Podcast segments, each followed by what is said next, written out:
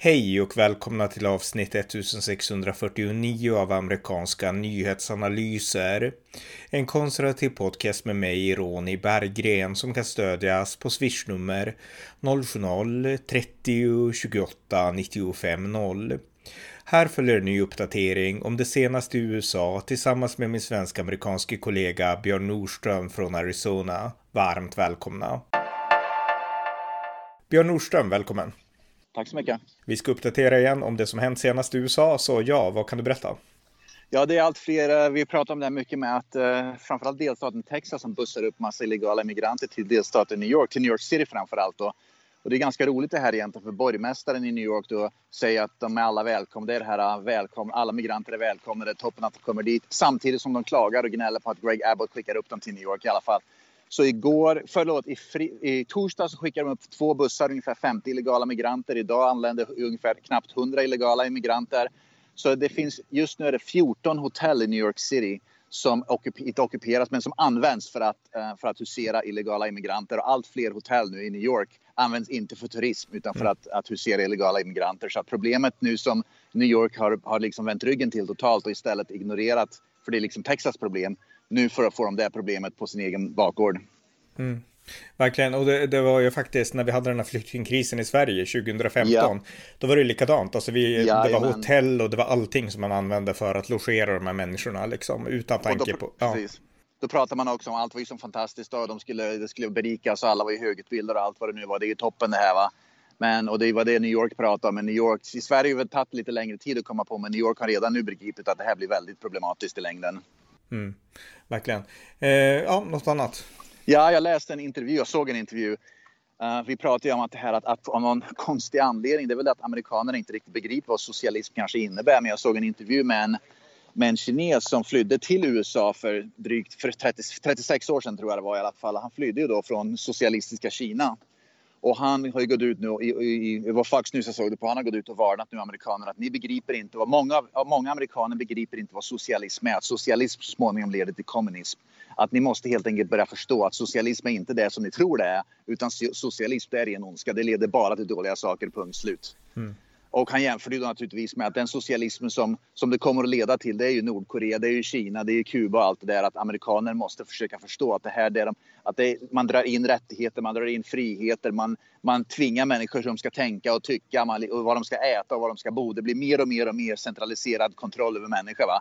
Och han, han pratar just om det, att det, det är amerikaner, allt för få allt fler amerikaner begriper inte det där. De tror liksom att det är, det är liksom dans på rosor ungefär med, mm. med, med socialismen. Vem var den här personen? Ja, det var en kines. Jag vet inte vad han heter. Det är ingen känd direkt. Det var någon som bara Fox News hittade och som intervjuade för att prata om just som vågar gå ut och ville prata om just det här med socialismen. Han var, ja. Det är väl en av många då som är som har immigrerat. Det är väldigt många från till exempel Latinamerika som pratar om att vi vill inte, vi, och framförallt då i södra Florida, vi pratar om det här med att, att i södra Florida bor det ju många eh, kubaner som flytt från Kuba och de röstade ju då på Trump 2000, eh, 2016. Mm. Som då, och det är precis samma sak, att de varnar ju för att vi vill inte ha det som i Kuba. Det var ju liksom, amerikaner måste begripa det. Så att det är liksom allt fler immigranter nu som kommer från just socialistiska länder som varnar för att det här är galet det som pågår i USA just nu. Att man liksom kämpar för att instifta socialism. Mm. Jag tror att... det, är, det, det, är det, som är, det är det som är poängen. Vem personer är spelar egentligen ingen roll. ja, men jag, tror, jag tror jag hittar personen. Jag håller på att leta för jag tycker sånt här är intressant. De här dissidenterna. Sifan Fleet, en kvinna ja, okay. som, som, som har överlevt kommunister, eller man som har överlevt kommunister. Ja, ja, precis. Så ja. att, eh, för jag hittade på Fox News nu. Jag letar ja, ja, ja. ja. Eh, ja okej, okay. något mer? Ja, vi pratar ju om det här att de, de som är, de påstår sig vara goda och de här vänsterliberalerna som påstår sig vara de goda och så vidare uh, visar sig allt oftare, och det är precis samma i Sverige, va? är de som är de minst toleranta, de mest intoleranta. Så det skulle arrangeras en slags, eh, jag tror det var för, för ungdomar, en slags ungdomsturnering nu under sommaren för, eh, i softball, baseball. I alla fall en stor ungdomsturnering i, i delstaten Colorado. Och då visade det sig att, om det var en slump eller inte, det vet jag inte, men det var när sådana här turneringar för ungdomarna uh, arrangeras så är det ofta sponsorer som går in och liksom betalar mycket va? för att de får kasta upp sina namn där och liksom sätta upp lite skyltar och så. Och så betalar de pengar och det, liksom, det, det hjälper då att, att, finansiera då evenemanget för ungdomarna. Mm. Så då var det, visade det sig vara både organisationer som var för abort och organisationer som är mot abort. Mm. Med andra pro-life och pro-choice som var där. Men det slutade med att de organisationerna som var pro-choice, med andra ord mot eh, förlåt, för abort, mm. de som var för abort, de vägrade ställa upp och de tvingade arrangörerna att, att, att vad heter det, stoppa ungdomsturneringen, att, att turneringen skulle ställas in. Därför att de ville inte ha någonting att göra med de som var pro-life. Och det är precis det i Sverige. Man kan, som det har varit länge då med att åh, Sverigedemokraterna är där, då tänker, vi, då, då tänker vi inte ställa upp. Även om det har negativa konsekvenser för hela Sverige eller för ungdomar eller vad det nu är, så gör man det bara för att man vägrar ställa upp. Mm. Och då struntar man i konsekvenserna för de människorna som påverkas negativt. Ja, verkligen. Och det ja. visar just det här att intoleransen, vilka är det som är intolerant, intoleranta i, i USA? Ja, det är ju de som är för abort. De som är emot abort är inte direkt några större fan av de som är för abort. Men de tolererade att de skulle dela, att de skulle då dela, vad ska man säga, vad, båda skulle delta i, i, i, turneringen. Ja, de är oftast mycket mer civiliserade och mycket mer hyfsade. Precis. Det är ju vänsterliberalerna som är intoleranta, det är ju bara ett faktum liksom. Eh, även om man kan tycka att åsikterna, att de, har, de är toleranta åsiktsmässigt, men som personer är de ju inte det, tyvär. De flesta i alla fall. Så att, de, de är eh, hycklare, vi, ja. han pratar om ordet hyckleri konstant tycker jag, det är, det är precis det de är, de hycklar ju. Mm, ja, verkligen. Eh, ja, något mer? Ja, jag var på en hårdrockskonsert igår med några band och i alla fall det var ganska roligt. Det var, det var en gubbe, han gick omkring med en stor t-shirt som det stod Fuck Joe Biden på. Han promenerade omkring och visade upp det rent stolt. Mm. Och sen så var jag på en, en, en amerikansk NFL-fotbollsmatch uh, söndags. Mm. Och då var det en annan gubbe, han gick omkring med en stor, med en Donald Trump, MAGA 2024-tröja med Donald Trump på. Så att skillnaden, och det, min poäng med det hela är skillnaden är att här i Arizona så stoltserar man omkring med det där, man promenerar omkring. Man bryr sig inte. Det finns många fler som stöder. Man ser till och med människor som applåderar och säger snygg t-shirt och allt sånt där. Va? I Vermont, skulle du göra det i Vermont, Vermont då, som påstår sig vara så tolerant men går omkring med sådana tröjor i Vermont då blir du neddunkad. Och inget mm. snack om det va. Men, men du berättade också, du skrev, du skrev i våran chatt att eh, på konserten hade det, vilket band var det? Jag tror någon bandmedlem hade sagt att det liksom strunta i ja, politik. Ja, ja, ja. berätta. Ja. Ja, det var ett band jag hade aldrig talat om. Det var flera band, det var en sån här hårdrocksfestival kan man säga. Det var Megadeth var det stora bandet och vad heter mm. de? Five Finger Death Punch eller vad de heter. Men i alla fall, det var ett band som hette Fire from the Gods. Aldrig talat om, det var ett hårdrocksband. Mm. I alla fall, men de Och då pratar ju då de här äh, sångarna framförallt, han pratar ju då liksom, de sjunger ju, sen snackar de lite med, liksom med, med, med äh, vad heter det, fansen då.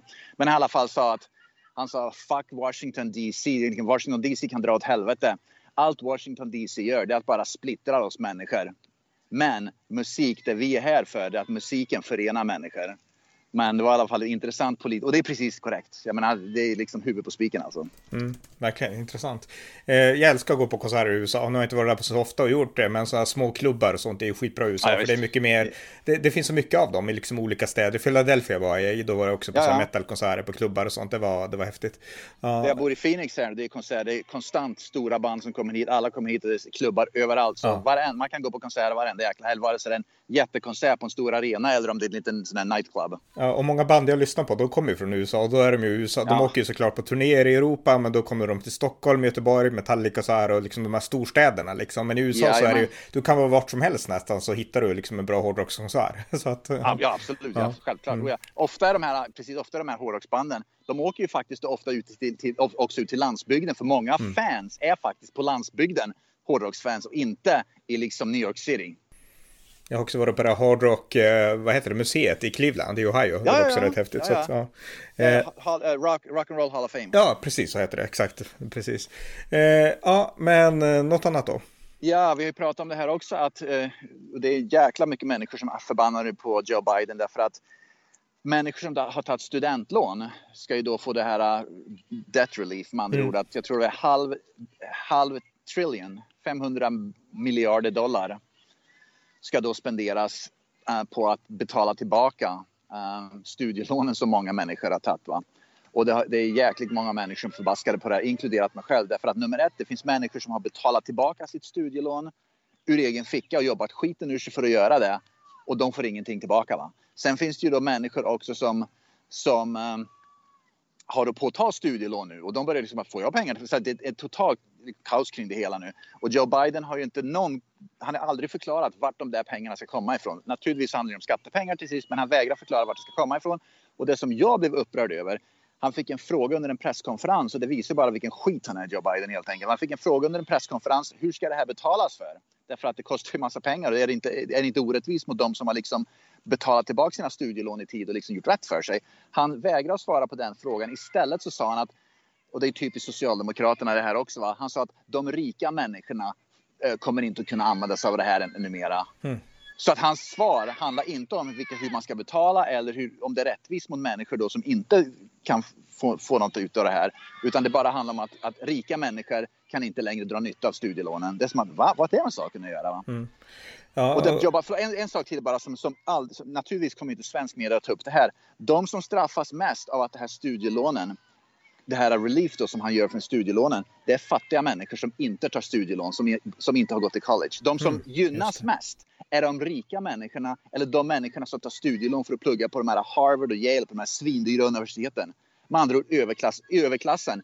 Precis samma grupp som Joe Biden och Demokraterna påstår sig värna om, de missgynnas för de har ofta inga studielån den gruppen som gynnas mest, det är den gruppen som Demokraterna och Joe Biden påstår sig liksom vara ute och liksom, de rika, det är de, det är de rika som kommer att gynnas mest av det här naturligtvis. För det är de som har stora studielån på de svindyra universiteten. Ja, men, men, det här är ju en jätteintressant poäng för att vi har ju ett helt annat system i Sverige. Jag har studielån, ja. jag har inte betalat av alla dem ja, än. Det är inga större ja. liksom, skulder, men, men likväl, alltså jag har dem och det är ju nästan ingen ränta på lånen här i Sverige och här i Sverige så vem som helst kan ju, om man har bra, tillräckligt bra betyg, så kan ju vem som helst gå på universitet. Det kostar inte dig eller din familj pengar, inte ett öre egentligen. Små pengar, men Precis. inte några större summor. Så att den skillnaden, den är intressant därför att i USA är det inte så. Så att du säger alltså att de som tar studielån, de har redan det hyfsat välbärgat eller föräldrar som är välbärgade i alla fall. Absolut, mm. precis. Och, och ofta de som kommer att använda sig av ut, kunna utnyttja det här mest. Det är de som går på de mest dyra privata universiteten och det är framförallt överklassen. Så det är mm. överklassen som kommer att gynnas av det här. Eh, medelklassen och vad ska man säga, de fattiga människorna de kanske inte har studielån därför att de har inte haft råd att, att, att kunna plugga. De går och jobbar istället direkt mm. efter gymnasiet. Jag, har en kompis som har gått på Harvard. Han fick stipendium för det då från Harvard. Ja. Eh, ja. Men jag har också hört att han berättade också att många kan vara väldigt så här. När han fick höra varför han kom in så tyckte de att det var så. Eller han godkändes därför att den amerikanska personen som skulle vetta honom tyckte att han var så intressant för han kom från en vanlig svensk familj och hon ja. berättade då för honom att de som kommer in här det är ofta så här rikemansbarn och liksom, de har liksom föräldrar som stöder universitetet och så vidare och så där. Så att hon tyckte att det var så spännande med en person från Sverige som var jättesmart och skicklig och sådär, bra betyg och verkar ja, gilla att träna och sporta sånt som man måste göra i amerikanska college och sånt. Men, eh, men som ändå kom från en vanlig liksom svensk familj ungefär.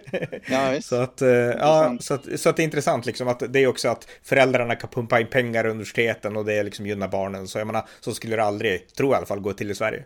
Ja, det är väldigt korrupt. Framförallt Harvard, men många av de här elitskolorna, om det är Harvard och Yale eller USC, eh, University of Cal mm. Southern California eller UCLA, vad det är det handlar också om att nätverka. Man måste känna rätt personer. Och när man, ju högre upp i samhällsskiktet man är, desto större nätverk har man och kontakter. Va? De, är man, jobbar man på McDonalds och är fattig, då har man inte speciellt mycket kontakter på Harvard eller, eller UCLA. Utan det handlar om kontakter också naturligtvis. Så det är de människorna som kommer att gynnas mest av allt av det här. Mm. Vilket är totalt galet. Ja, och det är så intressant för liksom, det, det, liksom de här liberala politikerna de pratar om att vi ska stå upp för de små, men i praktiken gör Precis. de inte det. Jag menar, det är likadant med sossarna i Sverige. Sossarna ja, i Sverige, ja. de som har makt i alla fall, de är ju rika. Alltså, de är betydligt ja, rikare än jag är, kan jag säga. Liksom. Ja, att, och, de, eh, de, och även då de här stenrika universiteten som Harvard till exempel, de har ju då på, det kan man ju slå upp, men det kallas för, eh, jag kommer inte ihåg ordet just nu, men liksom hur mycket eh, pengar de har på sitt bankkonto. Harvard har ju flera miljoner, förlåt, flera miljarder dollar. Liksom, de, de, ju, de, de simmar ju pengar, de har mycket pengar som helst, Harvard, de här stora universiteten. Det är de som har varit, det är de som har vad heter det, lobby, mm. lobbat mest för att det här ska gå igenom. För det är de som, universiteten, de rika universiteten gynnas mest. Så de som har lobbat Biden, det, det är de här stenrika universiteten. Samma universitet och samma stenrika människor bakom som Biden påstår sig vilja eh, ta ut högre skatter av och han är emot. Mm, helt otroligt, helt otroligt, precis som svenska sossarna. Total uh, hypocrisy. Mm, mm. Eh, ja, har vi något mer att, att ta upp? Jag sitter och scrollar efter egna ämnen. Jag har inte ja, läst på så mycket. Anthony, ja, mm, Anthony Fauci ska gå i pension i alla fall mm. efter, eh, till årsskiftet så att han ryker väl nu. Men Republikanerna vill i alla fall att oavsett om han är pensionerad eller inte, om Republikanerna vinner valet i höst och tar över kongressen så vill de dra in honom i ett förhör, i nya förhör för att liksom reda ut vad som, som skedde under de tre, fyra senaste åren. Mm. Uh, yep. uh, det här den här raiden som då skedde för i Trumps hem i Mar-a-Lago i södra Florida. Uh, det affidavit som då uh, eh, FBI använde sig av då, den har i alla fall blivit uh, släppt nu. Men den är redacted, jag vet inte vad det heter på svenska. Det är massa grejer som är mm, översuddade. Ja. Mm. Ja. Mycket var översuddat, och det, men den är i alla fall utsläppt nu. Men det som var intressant, det här tycker jag är väldigt konstigt. Det som, de, det, som uh, det här Justice Department um, förklarade var att de ville inte att deras spioner skulle, deras spionernas namn skulle släppas. Så min tanke är, vadå spioner? Har, har, har FBI haft spioner som spionerat på före detta president? För det var det som den här affidavit handlade om. Och det var det som eh, Justice, Justice Department ville skydda med att sudda ut namnen på spionerna. Så det visste jag inte att de har spioner, så jag antar också att de har spioner som spionerar på, uh, på Obama. Mm. Naturligtvis har de ju inte det, men, nej, nej, men det vore ju vore ja. rättvist. Jag läser också att Trumps advokater de är mycket besvikna över det här, eller inte besvikna utan tvärtom. De menar att det här visar att det finns inget liksom, det är aktivism bakom, det finns inget vett bakom det som har gjorts. Vissa andra bedömare menar att det finns saker här som man kanske skulle kunna åtalas för, men sannolikt så kommer inget sånt åtal att ske av olika anledningar. Så att ja. eh, intressant, men, men jag är helt inne på spåret att det här var helt över, liksom, det var helt befängt. Därför att en amerikansk president som jag sagt så många gånger tidigare, den personen står i viss mån över vissa lagar. Den kan inte behandlas som vilken liksom person på gatan som helst därför att det är det exekutiva ämbetet som måste ha makt att fatta, fatta vissa beslut och då måste lojaliteten vara mot konstitutionen. Men ibland så finns det liksom tillfällen när man är liksom när en president kan i viss mån bryta mot lagen. Det är min syn på vad konstitutionen säger. Inte på något grovt sätt såklart, men det här är ett klassexempel på när man inte kan skicka in FBI. Så att, eh, ja. ja. ja visst konsekvenserna av det här i alla fall, det har, det har gynnat Trump väldigt mycket vad gäller mm. hans popularitet. Jag såg uh, vad heter, opinionsundersökningar som innan det här skedde då, så var det 46 procent av, av republikaner som ville att han skulle bli presidentkandidat 2024. Nu har siffran hoppat upp till 54 procent. Så att en ganska hög ökning för honom. Så hans ambitioner att bli presidentkandidat igen har ökat ganska dramatiskt på grund av eller tack vare att det här har skett. Och om det visar sig att han har rätt och blivit offer för någonting för aktivism, då är han den stora vinnaren. Så han är ju garanterad att bli nästa presidentkandidat. Mm. Uh, förmodligen. Ja, verkligen. Eh, något mer? Jajamän, på tal om, om popularitetspoäng. Den minst populära uh, den minst populära politikern nu i Washington DC är Joe Manchin, han som är den demokratiska demokraten då från, från West Virginia som är senator då uh, mm. och demokrat i alla fall. Och han röstade ju för han röstade ju för det här uh, Inflation Reduction Act som mm. skedde nu. Så att han har nu satt sitt jäkla stort problem. Han var väldigt populär i West Virginia förut för att han var då mer konservativ, mer republikan än demokrat baserat på det som han röstade. Va? Så att hans popularitet låg till mångt och mycket hos republikanerna, inte hos demokraterna. Men nu när han röstar för den där Inflation Reduction Act så har han även tappat popularitet hos republikanerna. Så det finns ingen längre som gillar Joe Manchin. Så det han har gjort, han har försökt under en tid att, vad ska man säga, att, att, att uh, vara populär både hos Demokraterna och Republikanerna på något sätt balansera den linan. Och det slutar ju ofta precis som det gör när man försöker balansera. Man, man kan inte vara vän med alla, då slutar man bli fiende med alla istället. Och det är mm. precis det som han har råkat ut för. Min gissning är att han är körd nu. Ja, precis. I, i, i West Virginia. Ja. Eh, det ska sägas så här också att eh, det var ju ett eh, fyllnadsval i Alaska, kongressen i Alaska då, där Sarah Palin deltog. Och räkningen har pågått, de har ett speciellt valsystem i Alaska så det har pågått ett tag. Och nu lutar mycket mot att hon kanske kommer förlora mot demokraten Mary Peltola. Så ja. att det vore tråkigt, för att jag hade verkligen sett fram emot att Sarah Palin skulle kunna komma in här. Bedömare som jag läser, de menar att det är faktiskt, jag menar Alaska är väldigt, det är superrepublikanskt. Men de menar också att det kan till och med vara ett abortfrågan, alltså att Eh, Roe Wade när det avskaffades, att det väckte liv i väldigt många demokrater som varit väldigt engagerade där i Alaska, att det kan ligga till last. Men det är inte färdigt räknat än så att, och de har ett lite annorlunda system, så det är inte omöjligt att de klarar sig, men det ser just nu ut som att hon kanske förlorar.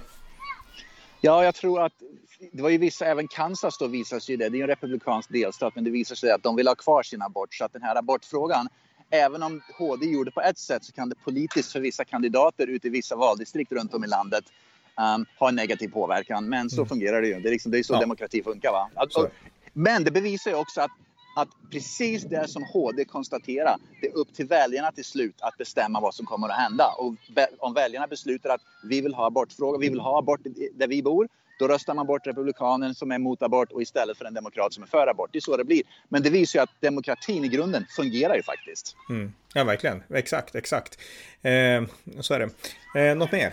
Eller Jajamän. Mm. Ja, Joe Biden, ja. han, var ju, han kallade ju då uh, Republikanerna, det här är alltså Joe Biden, det är mer och mer socialdemokrater Han kallar republik, republikaner, generellt republikaner för halvfascister nu. Så nu är republikaner halvfascister. Så om du är republikan så är du halvfascist. Till och med Don Lemon, våran, uh, den, den enda, våran våran enda favorit som är kvar på CNN, för resten har fått sparken ungefär. Ja. Han till och med, han intervjuade då, vad heter hon den här nya pressekreteraren, Karin, jag kommer inte ihåg hennes mm, namn, mm. hon har ett franskt namn. Mm. Han, men, och, och, han sa till henne att det här var väldigt magstarkt, det var lite väl överdrivet. Och det sa, till, till, med, sa till, till och med han det? Okej. Okay. Mm, till och mm. med han tyckte att det här var aldrig, det här var, det här var korsa gränsen helt enkelt. Det var inte, det var inte liksom korrekt, det var inte bra och sagt. Så det, det säger en hel del. Men det, det, det är lite grann det här med att Socialdemokraterna i Sverige har totalt spårat ur med deras beteenden och retorik. Och det, därför att de vet att de, de håller på att förlora ganska mycket. Eh, och även då Biden vet att, och Demokraterna vet att liksom, de, har inte, de kan inte prata politik för att sakfrågorna så förlorar de konstant på. Det enda de har kvar det är att bara smutskasta och liksom hetsa. Mm, ja, verkligen. Jag kan läsa citatet från Biden, jag googlade rätt på det nu, att han sa så här, yeah. jag borde egentligen spela klippet, men jag läser det. It's not just Trump, it's the entire philosophy that underpins the I'm going to say something, it's like semi-fascism, sa Biden. Så att, yeah. okej. Okay. Jajamän, ja. så då, då är vi alla halvfascister. Mm. Och på tal om det i alla fall, som, på återgång som, som speglar Demokraterna, hur otroligt intoleranta de är.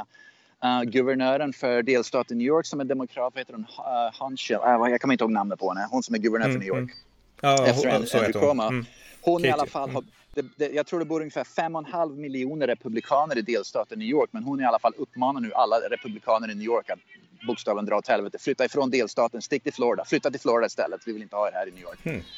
Och det roliga, det som är intressant, att hon begriper inte egentligen konsekvenserna av det. För de som flyttar från New York till delstaten Florida och även då från New York till delstaten Arizona. Det är framförallt republikaner som är medel och höginkomsttagare så att det är skatteintäkterna som de förlorar i New York. Så att, att kasta ut alla republikaner ur delstaten New York det skulle betyda att delstaten skulle gå bli totalt bankrutt nästa, nästa dag därför att republikaner är ofta de som, som, som liksom, det är liksom arbetskraften. Den här, vad ska man säga, gräsrotsarbetskraften runt om i delstaten, precis som det är runt om i USA. Det är inte demokraterna nödvändigtvis som är liksom gräsrotsarbetskraften, även republikaner är det. Ofta framförallt republikaner som är då som driver företag, som entreprenörer och driver småföretagen. Mm. Men återigen, Demokraternas um, intolerans. Ja, verkligen, verkligen. Ja, något mer då? Uh, japp, jag såg att, uh, på tal om intolerans, San Francisco är också då en, i Kalifornien är också ändå en, en demokratisk stad. Och i San Francisco så sätter man nu upp tydligen stora skyltar, såna här, såna här uh, billboards, såna stora skyltar mm. då. Där det står att om ni flyttar till Texas kommer ni att bli ihjälskjutna i en massskjutning. Som andra ord att i Texas så blir man automatiskt ihjälskjuten om man, om, i en massskjutning om man flyttar dit. Va? Återigen den här äh, hetset och haten. Men det grundas, i grund och botten är det precis som i delstaten New York, även i San Francisco, bygger på avundsjuka. Massa människor från Kalifornien sticker från, um, sticker från, från Kalifornien och framförallt San Francisco och Los Angeles då och flyr till Arizona, Texas och Florida. Uh, Kalifornien och New York, tal om de två delstaterna, har de, det är de delstater tillsammans med Illinois som har förlorat flest invånare. Och vi pratar om hundratusentals människor under 2021 som då flydde, bokstavligen flyttade från delstaten och flyttade till en republikansk delstat. Så att i grund och botten handlar det om att de är avundsjuka, de är förbannade på att, att, att vanliga människor flyr deras delstater och sticker till republikanska delstater. Det är därför de tror att de håller på. Det, med andra ord, det är infantilt, infantilt trotsålderbeteende. Mm. Istället för att erkänna att de gör någonting fel i delstaten som inte kan hålla kvar sina, sina invånare. Nej, nej exakt. exakt. Eh, jag läser också att Trumps eh, eh Truth Social, alltså hans medieplattform, den har fått ekonomiska problem, står det i Washington Post här.